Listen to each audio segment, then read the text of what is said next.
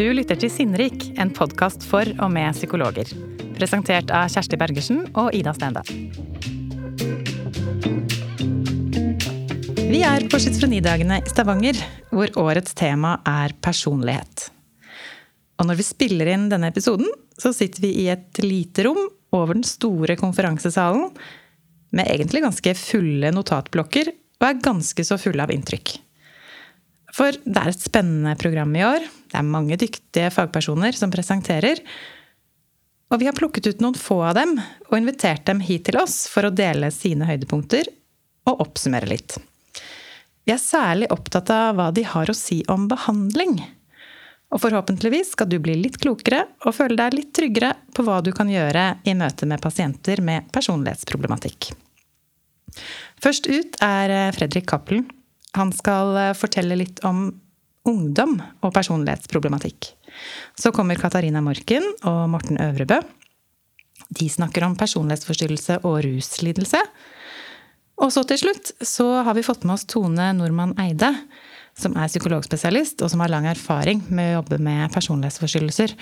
Og vi skal sammen med Tone prøve å få frem hva er det vi har lært hva har vært høydepunktene gjennom disse dagene, og hva tar vi med oss hjem? Sånn at vi kanskje blir litt bedre til å møte pasienter med personlighetsproblematikk.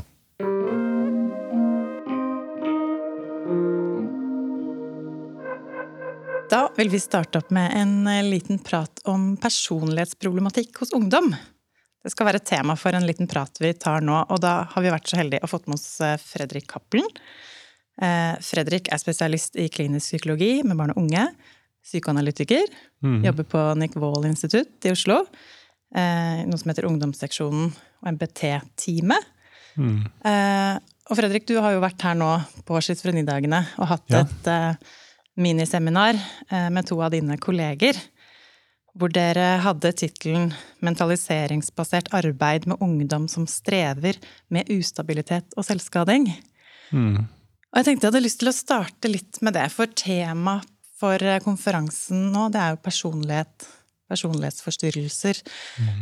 Eh, snakker vi om personlighetsforstyrrelser eh, når vi snakker om uh, ungdom? Altså, bruker, bruker, vi den betegnelsen? Hvordan mm. tenker vi rundt det nå? Ja, Nei, Det er et godt, godt spørsmål. Eh, og veldig viktig, da, eller noe jeg har vært opptatt av, vi har vært opptatt av lenge. Um, for jeg tror mange som har jobbet i BUP um, over lang tid, uh, har hatt mye erfaring med ungdom uh, som har vært uh, ja, ustabile i humøret, svingende følelser og selvskading. som også sant, har, en, har vært en vanvittig økning av forekomsten av selvskading. Men det har vært mange ungdommer også før 80-90-tallet som har hatt den ustabile måten å være på. da og veldig utrygge og ja, strever med tillit, og hvor det blir mye dra dramatikk um, i livet deres.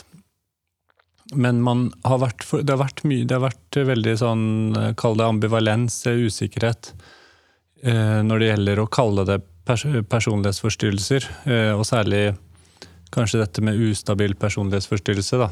uh, og borderline personality disorder, som det heter på engelsk.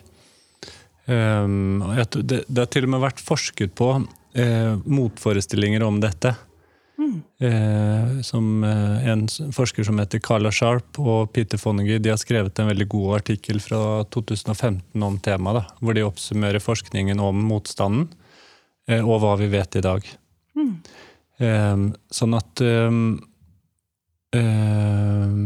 det, det som de finner, de to, når de oppsummerer, og en som heter Andrew Chanen fra Australia, det er at eh, personlighetsproblemer og forstyrrelser starter ikke når du er 18 år.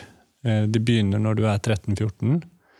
Sånn at, eh, og hvis du har noen trekk, da For det er snakk om trekk som er vedvarende over tid, ikke bare noe som er forbigående to-tre måneder, og så, så endrer det seg. Men det er vedvarende om minst et år så vet man at hvis du ikke får hjelp når du er 13-14 og har to, til og med to kriterier, så det, kan det predikere ganske stort strev eh, og vansker videre i livet. Da. Så vi vet på en måte at det begynner tidligere. Eh, og vi er opptatt av, blitt mer og mer opptatt av å identifisere det. Og Mm. også, ja, eh, for å gi de god behandling, da. Mm. Fordi man ser at det er viktig å, å starte og få hjelp eh, allerede mens de er unge ungdommer. Ja, absolutt. Og så har det jo vært en, eh, tidligere har det vært en ganske stor sånn håpløshet når det gjelder den gruppa, med at det er vanskelige terapier. Det blir ofte brudd i, te i terapeutisk kontakt, både med voksne og ungdommer. Eh, men liksom, nyere, solid forskning da, med gode modeller viser at over tid så er det mulig å få det bedre. Mm. Eh, og nettopp, de, de finner også det at man trenger tid, da. Mm. For å få hjelp. Ja. Det er så fint, for jeg, jeg synes Da jeg hørte på dere nå i stad, eh, så var det så spennende å høre dere fortelle om hvordan dere da starter et løp med en ungdom, da, med å ramme det inn. Eh, Først så sa dere jo også at dere av og til opplevde at mange av disse ungdommene kunne kjenne seg ganske godt igjen i en del av kriteriene Mm. for eh, sant, emosjonell ustabil personlighetsforstyrrelse. Men så sa dere at dere bruker ikke liksom den betegnelsen sammen med ungdommen. Dere er mer opptatt av å jobbe frem en kasusformulering som på en måte er den første sånn Kan du si litt om det, akkurat den måten å jobbe på? Ja, absolutt. Um, det er et stort problem i dag at vi har fått et altfor eh, objektifiserende språk i journaler og i um, eh, hvordan vi snakker med hverandre om pasienter. Um, sånn at det er en veldig stor distanse iblant, og veldig sånn, ja, upersonlig. Uh, jeg tror mange, noen ungdommer hos oss har fått lov til å lese journal, og så har de blitt helt sånn uh, satt ut av at de blir, ja, kanskje føler seg beskrevet nesten som en ting, eller, eh, og ikke som et subjekt. Da.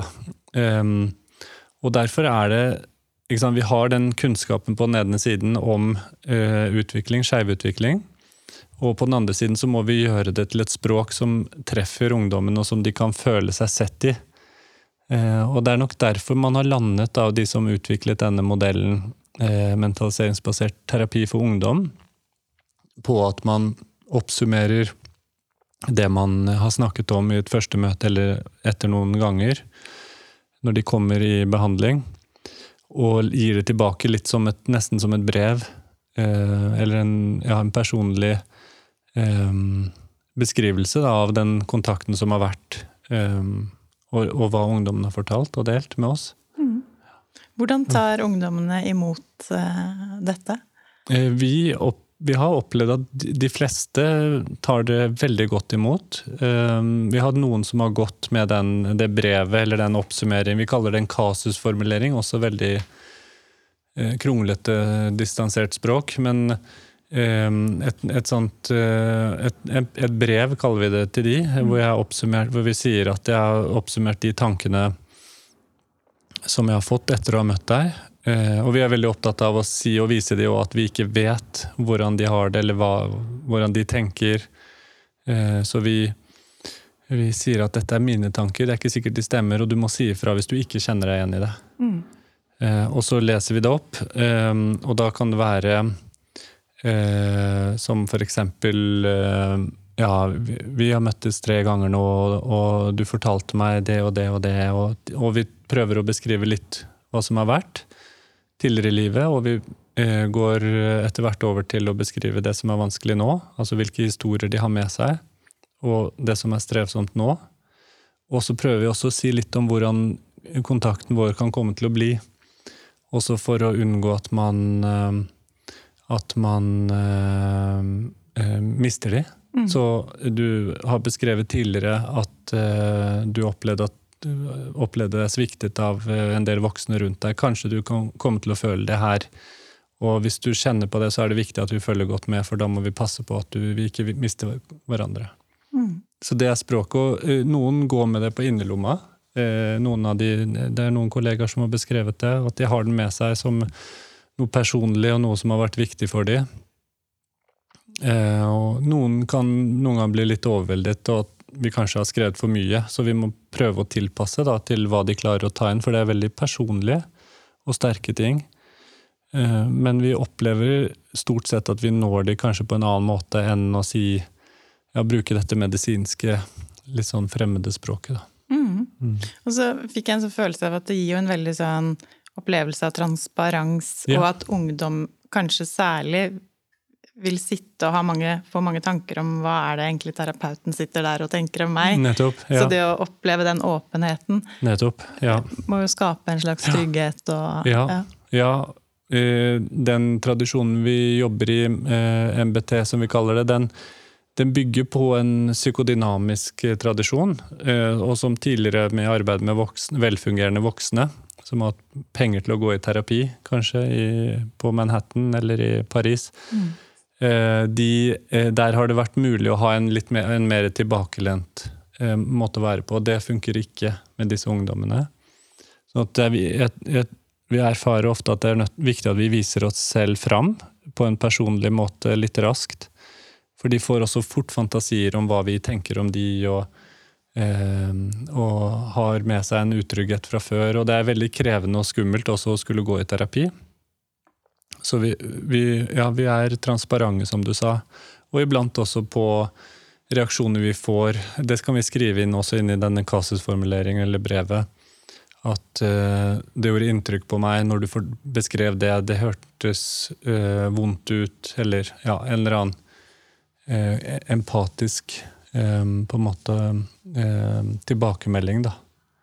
Og iblant òg, ja, i terapien etter hvert og at vi kan dele opplevelser. altså med noen som er veldig redde for å dele følelser eller dele opplevelser, trekker seg unna, så kan vi noen gang kanskje bruke oss selv og si at ja, um, Eh, jeg får liksom følelse at du ikke er helt til stede, og vi er liksom på to forskjellige steder. Jeg, føler, jeg, jeg, klarer ikke helt å følge deg i dag, eller at vi bruker hodet vårt og sier at ja, nei, nå vi, vi prøver å være litt sånn ikke så flinke og smarte terapeuter. Mm. Eh, um, eh, og bruke oss selv. Eh, noen ganger så kan vi Jeg, jeg veileder også på universitetet.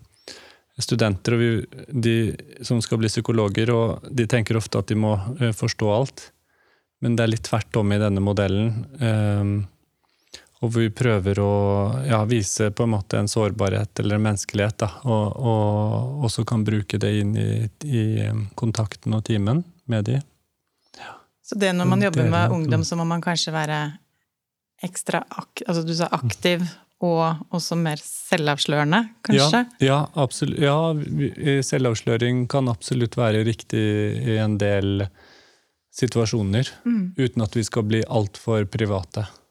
Um, absolutt. Mm. Og, og, samtidig finne en balanse i aktiviteten, sånn at de også får rom ikke sant? til å når de etter hvert kanskje blir tryggere, at de får, føler eh, rom eh, og plass til å kunne dele. Da. Mm. Mm. Kan du si litt mer om eh, denne modellen som dere jobber etter, altså mentaliseringsbasert eh, terapi? Um, og dette med mentalisering. Og jeg, mm. da du presenterte i stad, så snakket du om individualterapi som ett av formatene. Mm. Eh, og der var det en lang liste med ganske mange relevante og nyttige intervensjoner. Mm. Det var veldig mye forskjellig som dere gjør i mm. terapien. Kan du trekke frem noe som du tenker er særlig potente intervensjoner? Ja.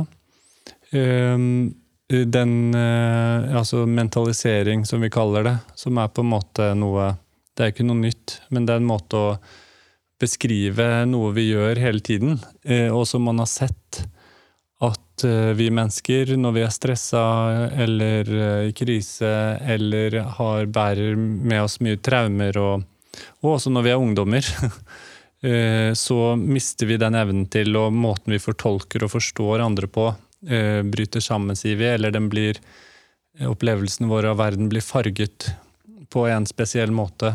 Eh, og påvirker måten vi opplever oss selv på, ser på oss selv, ser på andre og hva de vil oss, hvilke intensjoner de har i forhold til oss.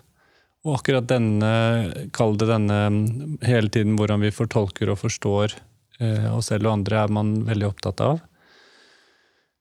Og som jeg beskrev litt i stad også, så er det noe som vi vet utvikler seg veldig tidlig.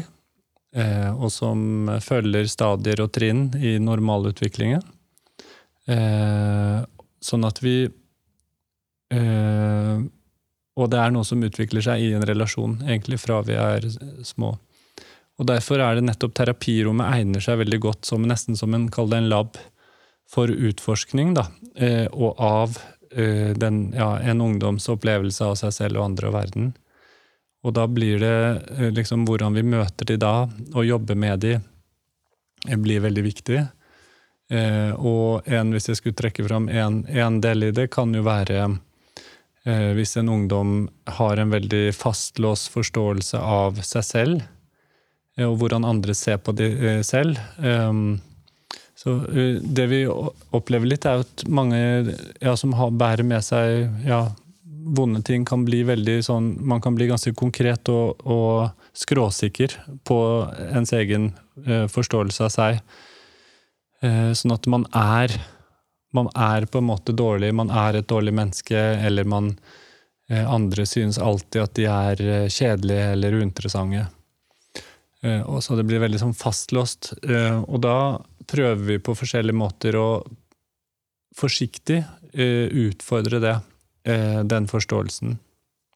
Men litt sånn som hvis vi sier at man Når man er veldig sint selv, og hvis noen sier ja, men han prøvde jo bare å være hyggelig, så må vi være ganske forsiktige, for det kan være ganske provoserende. Så vi prøver å balansere både å virkelig vise at vi respekterer og prøver å forstå deres opplevelse, det å være i deres sko, Eh, på den ene siden og oppleve at verden er sånn, eller at de ser på seg sånn. Samtidig som vi etter hvert også prøver å utfordre det noe. Mm.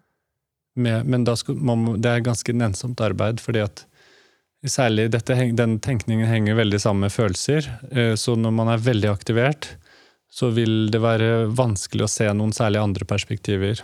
Eh, og vi må jobbe med her og nå også med følelsene. Da. De henger sammen. Mm. Det er også en del i det arbeidet i rommet, da. Mm. Um, ja. Og så viste dere jo også litt at dere bruker en del sånn konkrete verktøy. Ja. Altså, dere bruker film, dere brukte mm. Dere tok av dere noen sko og bytta sko, og mm. det er forskjellige ting man kan gjøre. Mm. Kan du si litt om eh, hvilken betydning den type konkreter da, har i arbeid arbeidet med ungdommene? Jeg tror generelt at uh, ungdom, for ungdom Jeg tror jeg opplevde det sånn selv, at de voksne prater utrolig mye. At det er bla, bla, bla, bla, bla, bla. Og at jeg iblant følte meg ganske utenfor den, den derre snakkete verden. Eh, og jeg tror ungdom iblant eh, i terapi også kan oppleve det. Um, og selv om de iblant kan finne et mer ekte språk, kanskje, for sine erfaringer i en terapi over tid. Noe som på en måte bunner i en, en, subjektiv opplevelse. Så eh, kan denne snakkingen noen ganger bare bli fremmedgjørende. Eh, sånn at, eh, og iblant, særlig når følelsene blir sterke, så kan det å tegne noe, eh, f.eks., eh, gjøre at du får, skaper litt mer rom, eller det blir litt mer klart hva man faktisk føler i en gitt situasjon. Også fordi at det kan bli veldig kaotisk i, i, i, hodet vårt. Eh, når ting strammer seg til og blir stressende, ubehagelig og um, vanskelig. Og noen ganger eh, så bruker jeg f.eks. tegning for å skape Jeg kan tegne tankebobler. Jeg snakket litt om hvordan man opplever seg selv, men også hvordan man opplever andre, er noe vi er veldig opptatt av. For en del av disse ungdommene kan misforstå tolke andre i verste mening. Alle er alltid ute etter meg. Um, som de sikkert innimellom har opplevd, som kan være reelt. Men noen ganger så er det også folk som vil de godt. Uh, eller som kan ønske de godt, uh, og som de lukker igjen for. Så, og da kan vi en måte å se på det og undersøke det, og også stoppe tiden. For det, som, nå nevnte jeg kaos. Men jeg har også nevner tidsfaktoren, for når følelsene skrur seg til og ting blir intenst, så går, går ting veldig fort. Og da kan tegning hjelpe oss til å stoppe tiden litt, mm. og prøve å bryte ned litt de opplevelsene, de tankene eller de følelsene de har. Så snakk tegnebobler, tankebobler eh, over en gitt situasjon. I en skolegård, og du sto utenfor, eh, og så var det en gjeng eh, som sto sammen, og de snudde ryggen til akkurat når jeg kom, ikke for de andre, bare meg. Uh, og da prøve å gå inn i det og utforske det. Og noen ganger så finner vi at det kanskje ikke helt var sånn som de trodde, eller at de selv hadde en ganske dårlig dag. Ja, så du selv var også ganske forbanna pga. det som skjedde med papp, krangelen med pappa. Øh, hvordan tror du det påvirket deg når du gikk inn i skolegården? Så får vi lagt til nye detaljer, da. Mm. Og som kan gjøre at verden kanskje ikke er så Eller at den er mer nyansert enn det, det de frykter, da. Ja. Men du nevnte sko også. Mm. Vi gjør kanskje ikke så mye av det i individualterapien. Det er noen andre terapeuter som jobber med å bruke en stol. Ehm, eh, det gjør kanskje ikke vi så mye, men vi, i familieterapi så er det en del sånne kreative teknikker som man kan bruke, og særlig vi tittet litt på en video tidligere krav, Kram mot Kramer med Dustin Hoffman og er det Meryl Streep ja. fra 70-tallet. Ja. Ja. Og med veldig mye eh, konflikt, ikke sant? og vi ser så godt hvor, hvordan ting skrur seg til i en familie og en relasjon til et barn og hvor vanskelig eh, det er å tenke, da, og hvor primitive vi blir som far som sier 'du er en liten drittunge'. Ingen, ja, 'Mamma er borte for alltid'. Ting blir veldig sånn Kan bli veldig mørkt. Um, og i familieterapi kan det også bli sånn, uh, hvor vi får familier inn. Uh, ja, ungdomstid i seg selv er turbulent, og disse, noen av disse for disse så strever kanskje foreldrene òg en del med noe. Eh, jobbsituasjon eller andre, andre ting. Egne vansker. Eh, og ungdommene eh, det, er plaget. Og mange foreldre er veldig redde også, og har mye skyldfølelser. Så det er, kan være et litt sånn eksplosivt territorium å bevege seg inn i. Særlig man blir, når man begynner å bli litt kjent. Og da bruker vi blant uh, tek teknikker for å løse litt opp i fastlåste situasjoner. Som f.eks. å stoppe opp ettervis. ikke sant? Den typiske er at uh, f.eks. En, en ungdomsdatter og en mor som snakker til hverandre. Ja, 'Du skal alltid kontrollere meg, og du, jeg, du syns aldri noe av det jeg gjør er bra nok.' Og, og du, eller en mor sier til datteren sin at du setter aldri pris på alt det jeg gjør, og du aner ikke hvor mye jeg jobber, og hvor mye det koster å få mat på bordet. Sånne ting. Og det blir veldig sånn absolutt. Og ingen er villig til å klare å se hverandres perspektiv da. Og da kan vi f.eks. en familieterapeut, Eia Asen, som er veldig kreativ og dyktig der, stopper opp og ber kan vi bare, kan vi bare prøve en liten ting. Kunne dere tatt av dere skoene? Og, og, også for å gjøre folk litt perplekse og litt, stoppe opp mm. litt i en veldig sånn affektiv situasjon. Sånn følelsessterk. Sånn, ja, nå, snak, nå, bruker jeg veldig psykologspråk, men følelsessterk situasjon. Og da øh, og kan du bytte med mamma. Eh, og han har vist noen videoer, blant annet, og vi har prøvd det noen ganger selv, og noen ganger virker det, og noen ganger ikke. Men eh, hvor f.eks. en video han har, viser han hvor han tenåringsdatteren viser en veldig god evne til å forstå moren sin eh, ja. og morens situasjon. Så noen ganger så kan enkle, konkrete ting eh, og triks eh, eh, ja, hjelpe oss til å tenke annerledes. Ja. Spennende. Vi skal, mm. vi skal, begynne å avrunde, men vi, nå er vi litt inne på det. Men hvis du kunne mm. sagt liksom, til eh, psykologene der ute, klinikerne, som f.eks. jobber på en eller annen BUP, eh, som treffer disse ungdommene, som kanskje har mye svingninger. Svinger fort frem og tilbake, opp og ned i følelser. Eh, som kanskje kan være litt sånn vanskelig å komme inn på. Eh, og som strever med ja, kanskje noen av de selvskader, mm. sånne ting. Um, hva vil du si til de terapeutene? Det var to, to liksom knagger som de kan ta med seg. Mm.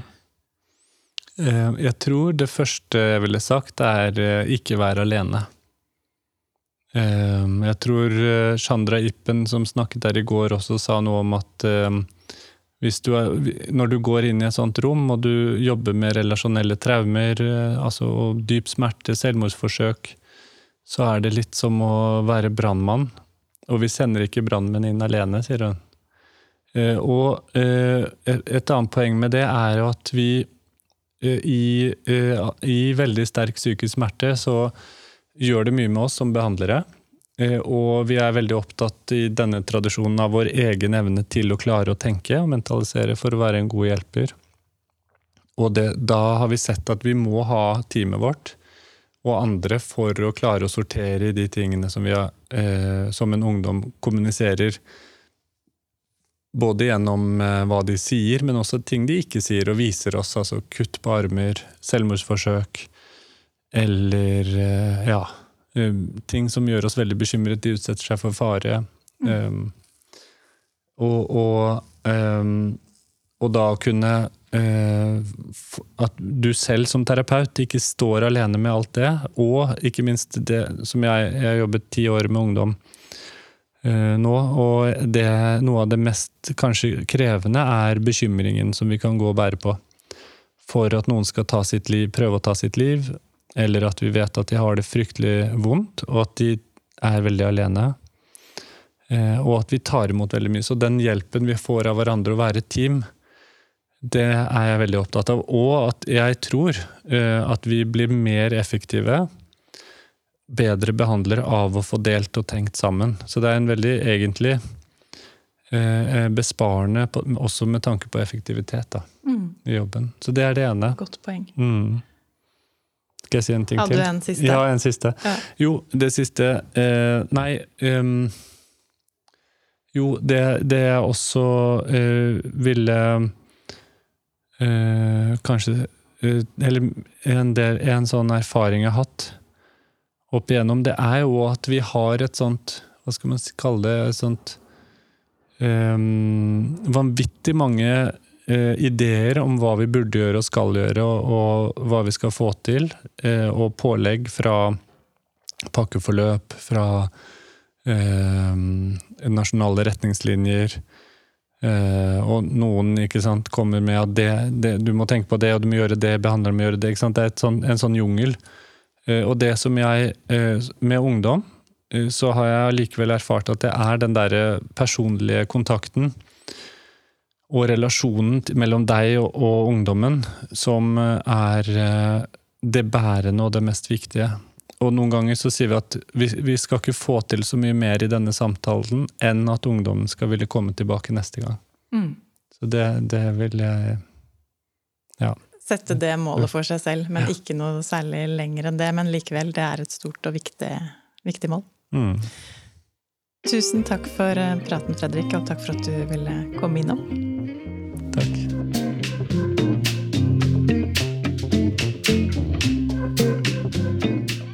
Du har hørt en episode av Sinnrik, en podkast fra Gyllendal. Denne episoden tok vi opp i Stavanger Forum, og lyd har vært ved Videoassist. Produsent for episoden var Andrea Krüger, og jeg heter Ida Stendal. Hvis du vil få mer lesetips og informasjon om nye episoder, følg oss på Instagram, Sinnrik podkast. Takk for at du hørte på.